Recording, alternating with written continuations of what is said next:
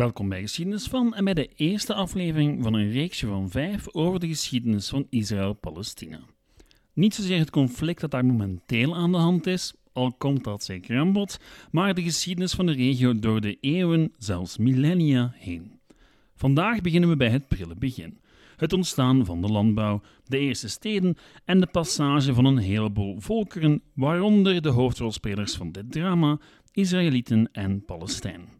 Dat en meer in deze aflevering van Geschiedenis van.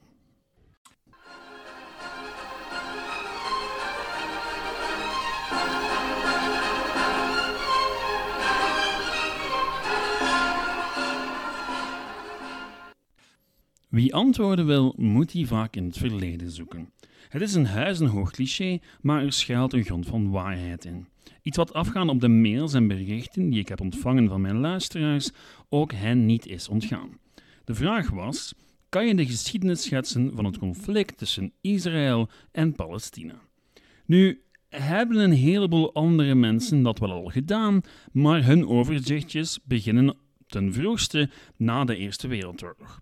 Die overzichtjes zijn zeer waardevol en kunnen nu al een redelijk goed beeld bieden van het waarom van het hele conflict. Maar de deep dive in de geschiedenis van de regio, die heb ik nog zelden of nooit zien passeren. En op de Facebookgroep bleek al snel dat er wel degelijk interesse was van jullie kant.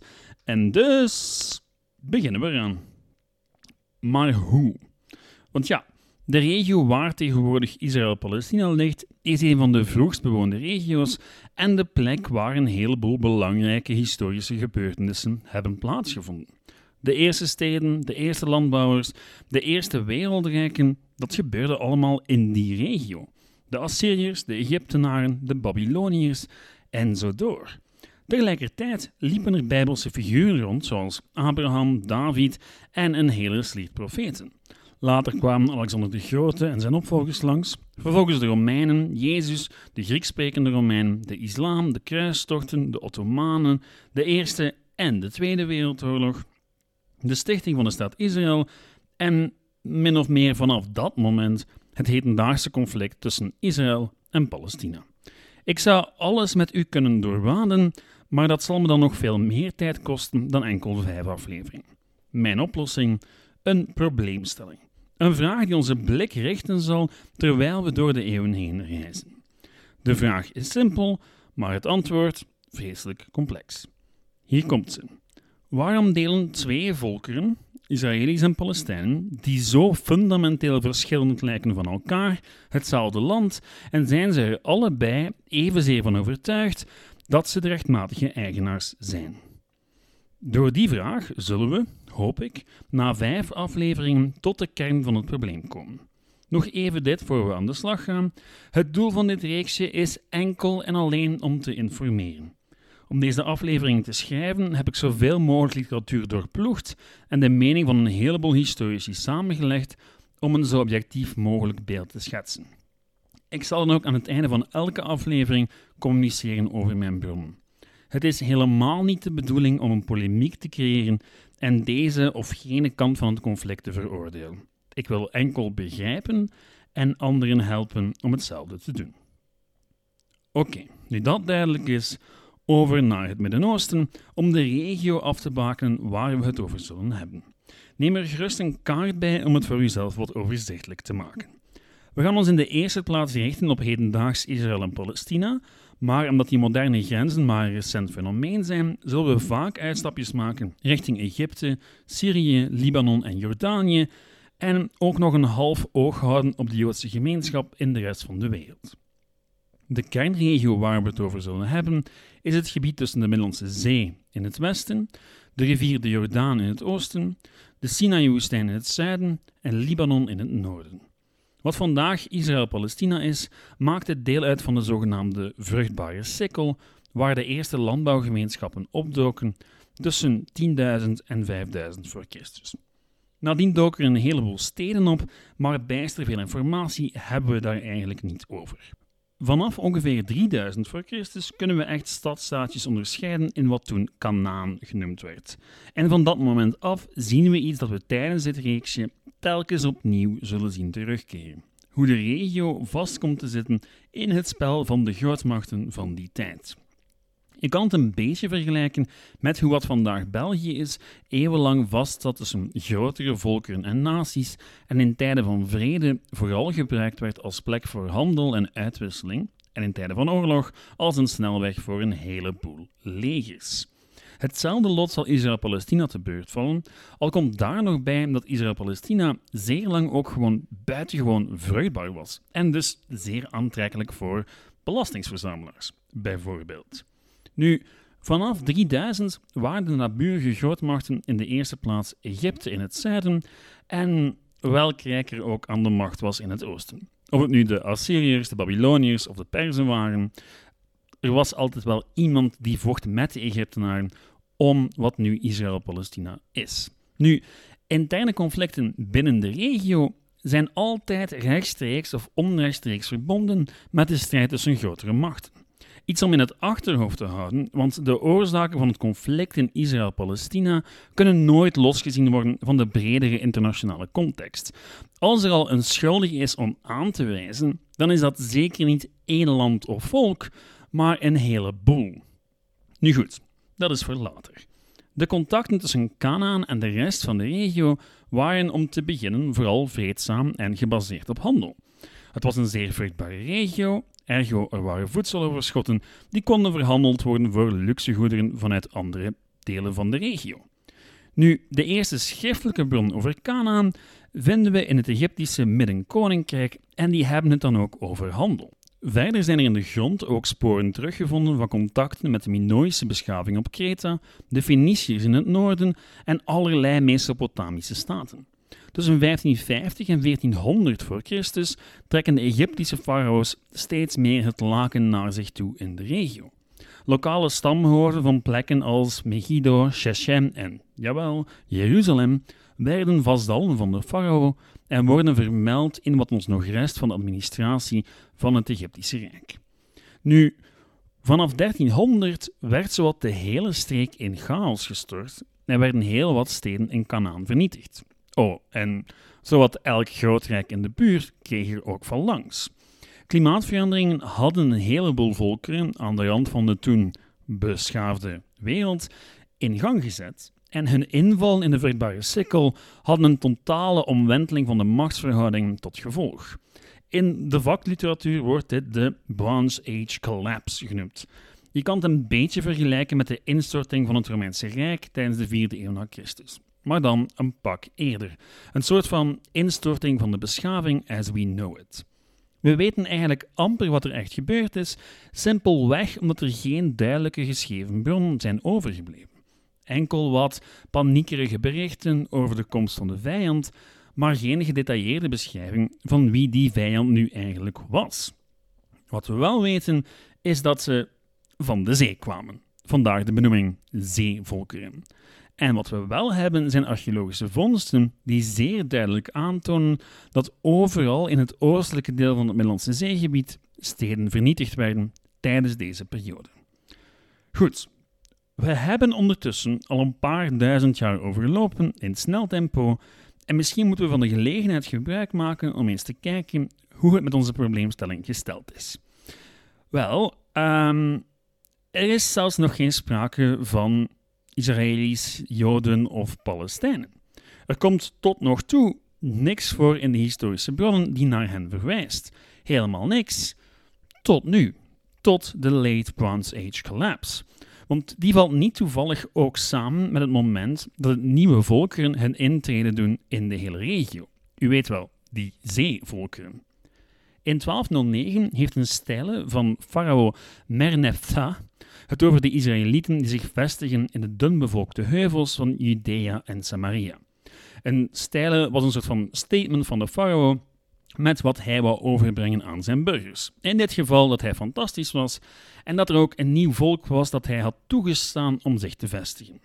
Nu, die vroege Israëlieten waren waarschijnlijk Canaanieten die de steden aan de kust verlieten en hun eigen cultuur ontwikkelden, inclusief, toen al, een verbod op het eten van varkensvlees en de besnijdenis van jongens.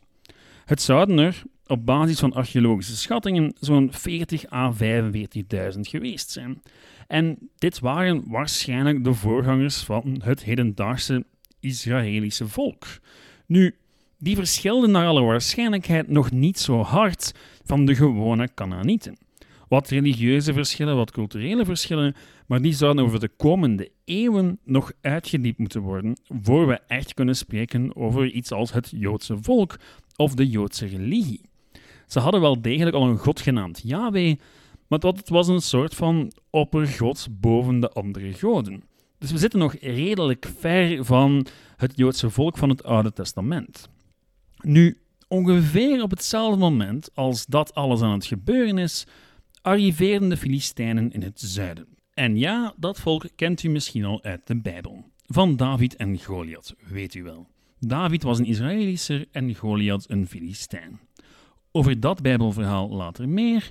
Nu terug naar de Filistijnen. Die maakten oorspronkelijk waarschijnlijk deel uit van de zogenaamde zeevolkeren, die vanuit de westelijke kant van de Middellandse Zee naar het meer ontwikkelde oosten trokken en er hardhandig in aanraking kwamen met de er al aanwezige rijken.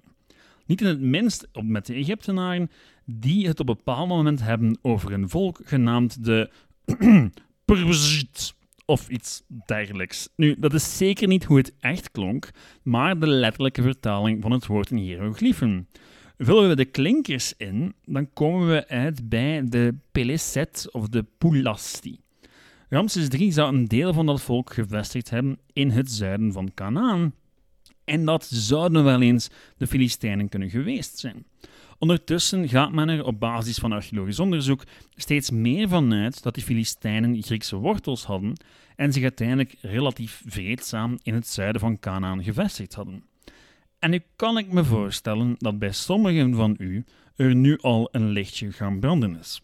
Filistijnen, Palestijnen, klinkt min of meer hetzelfde, komt het ene volk dan voort uit het andere. En als we er dan nog eens het Oude Testament bij nemen, wil dat dan zeggen dat de conflict tussen Israëlieten en Palestijnen eigenlijk al bezig is sinds het eerste millennium voor Christus? Dat de David en Goliath van toen de Hamas en Netanyahu van vandaag zijn? Wel, um, ik snap de vraag, maar kort gezegd, nee. Want zo simpel is het werkelijk nooit. Laat ons het eerst even over het Oude Testament hebben. Er zijn grote delen van het Oude Testament dat je zou kunnen lezen als een geschiedenis van het Israëlische volk, zij het met een religieus tintje. Het mag dan ook niet verbazen dat heel wat historici en archeologen door de eeuwen heen op zoek zijn gegaan naar bewijzen dat de Bijbel ook echt een neerslag is van de historische realiteit. En ze vonden niks. Wel, bijna niks. Zoals ik eerder al zei, lijkt het Israëlische volk zich afgesplitst te hebben van de inwoners van Canaan zonder ingewikkelde omweg naar Egypte. Waarschijnlijk komt dat verhaal van een groep vluchtelingen uit Egypte die neerstrijkt in Israël en zijn verhaal linkt aan de lokale elites daar. Nu goed, het is dan ook moeilijk te zeggen wat we moeten denken van de beschrijvingen van conflict tussen Filistijnen en Israëlieten in het Oude Testament. Waarschijnlijk zijn de Bijbelverhalen verre echo's van gebeurtenissen waar we het fijne nooit van zullen weten. Die verhalen werden dan ook honderden jaren na datum neergepend in nogal specifieke omstandigheden. Oké, tot daar het religieuze plaatje, nu terug naar de historische bronnen. In wat ooit Canaan was, doken in de 10e en 9e eeuw voor Christus twee Israëlische koninkrijken op: Judea en Israël. Dit waren mini-staatjes waarvan Israël het machtigste was, maar samen waren ze nog steeds slechts goed voor een bevolking van 160.000 Israëlieten. En het waren niet de enige staatjes in de regio, want ze raakten regelmatig slaags met koninkrijkjes in hedendaags Jordanië, Syrië en waarschijnlijk evengoed de Filistijnse stadstaatjes. Tegen het einde van de 9e eeuw voor Christus was het gedaan met al dat gekibbel, want er dook opnieuw een grootmacht op die alle kleintjes aan zich onderwierp. Niet Egypte deze keer, maar Assyrië. Israël viel in 720 voor Christus en als we de Assyrische vorst Sargon II mogen geloven, dan werden er zo'n 27.290 inwoners gedeporteerd naar Mesopotamië. De rest vluchtte naar Judea, dat wonder boven wonder het hoofd boven water wist te houden, en samen met wat andere stadstaatjes aan de kust grotendeels met rust werd gelaten. Zo kwam het ook dat de hoofdstad van Judea, Jeruzalem, zowat het religieuze en culturele en politieke centrum van de Israëlische cultuur werd. Nu, dit zorgde voor een nogal absurde situatie, waar de Assyriërs midden de 7e eeuw voor Christus heel Egypte, Syrië en Palestina in handen hadden, behalve die kuststrook met het koninkrijkje Judea. De Filistijnen belanden trouwens wel volledig onder het Assyrische juk en vanaf dan verdwenen ze eventjes uit het historische verhaal. Vanaf ongeveer de 5e eeuw voor Christus wordt de hele regio vaak beschreven als Palestina en haar inwoners als Palestijn. Nu, Daarover volgende week veel en veel meer. Het is niet onlogisch om aan te nemen dat de term werd afgeleid van Filistijnen, maar ja, zeker zullen we het nooit zijn. Feit is dat er tegen die vijfde eeuw een duidelijk verschil is ontstaan tussen de Israëlische en de niet-Israëlische bevolking van de streek. Het is allemaal wat onduidelijk bij gebrek aan duidelijke bronnen, maar waar de Israëlieten rond 1000 voor Christus gewoon nog een groep Canaanieten waren die zich ergens anders gevestigd hadden, hadden ze zich tegen het jaar 500 ontwikkeld tot een apart volk met een aparte cultuur en religie. En daar hadden de invallen van de verschillende grootmachten vreemd genoeg veel mee te maken. De constante dreiging en occasionele ballingschap leidden mee tot de ontwikkeling van het Jodendom als een aparte religie en cultuur. Zeker de Babylonische ballingschap, toen de Joodse elite mijlenver van huis belandde en om de eigen cultuur en religie te bewaren, die dan ook neerschreef. En zo waarschijnlijk aan de basis lag van het Jodendom als een duidelijk afgeleide georganiseerde religie. Na de val van Babylonië in 539 voor Christus lieten de nieuwe heersers, de Perzen, de Joden naar huis gaan. En eens thuis kregen die elites het recht om de provincie Jehud te besturen. Er waren er nog andere, zoals Samaria, waar een splintergroep was ontstaan ten tijde van de Oost-Assyriërs. Ook die kennen we nog uit de Bijbel. In het noorden waren er trouwens nog steeds de Phoeniciërs en er liepen ook nog een heleboel andere volkeren rond, zoals de Nabateërs en de Edomieten en, wel, ik kan nog even doorgaan, laat het gewoon duidelijk zijn dat de regio toen ook al zeer ingewikkeld was. Nu, wat moet u onthouden van dit alles om het hedendaagse conflict te begrijpen? Wel, eerlijk gezegd, weinig. Het was altijd al ingewikkeld en zowel Palestijn als Israëli's kunnen hun wortels, als ze dat willen, gaan zoeken tot in het tweede millennium voor Christus. Maar daarmee weten we eigenlijk bitter weinig over het waarom van Israël-Palestina. Een gedeeltelijk antwoord is te vinden bij de Romeinen, maar dat verhaal is voor volgende week. Dan hebben we het over Israël-Palestina in de antieke wereld. U weet wel, Grieken en Romeinen. Het is een nogal belangrijk hoofdstukje, want zeker de daden van de Romeinen en een zeker Jezus Christus gaan een zeer grote impact hebben op de regio. Goed, wie zelf aan de slag wil gaan, kan ik wel al een paar boeken aanraden, maar ehm, ik moet wel een waarschuwing meegeven. Geen enkel boek gaat u een volledig onpartijdig beeld van de geschiedenis van de regio schetsen. Al was het maar omdat je alleen al door een bepaald boek te kiezen een bepaald perspectief kiest. En elke auteur die een boek geschreven heeft over de geschiedenis van de regio, die moest wel een bepaalde blik kiezen om te kijken. En wel, zo'n blik alleen al beïnvloedt het resultaat van je onderzoek fundamenteel. Dat gezegd zijnde heb ik bij het schrijven van deze aflevering veel gehad aan Palestine, A 4000 Year History door Noor Massala. De man is een ronduit indrukwekkend academicus, um, zelfs Palestijns, leeft tegenwoordig in Groot-Brittannië. Um, een zeer goed werk en een zeer indrukwekkende samenvatting van de Palestijnse geschiedenis. Zij het niet altijd even gemakkelijk om te lezen. Hetzelfde geldt trouwens voor A History of Ancient Israel door Christian Frevel, dat vooral voor deze aflevering goed van pas kwam. Nu, die boeken gaan trouwens een pak meer in detail voor de besproken periodes dan ik hier ooit zal kunnen doen. Het doel van dit reeksje is om de origine van het hedendaagse conflict op te sporen en dus kan ik me niet laten gaan met bijvoorbeeld grote analyses van welk stukje uit het Testament nu wel of niet klopt. Ik had veel meer tijd willen spenderen aan David en Goliath bijvoorbeeld, maar wel ja, ik kan nu eenmaal niet alles doen.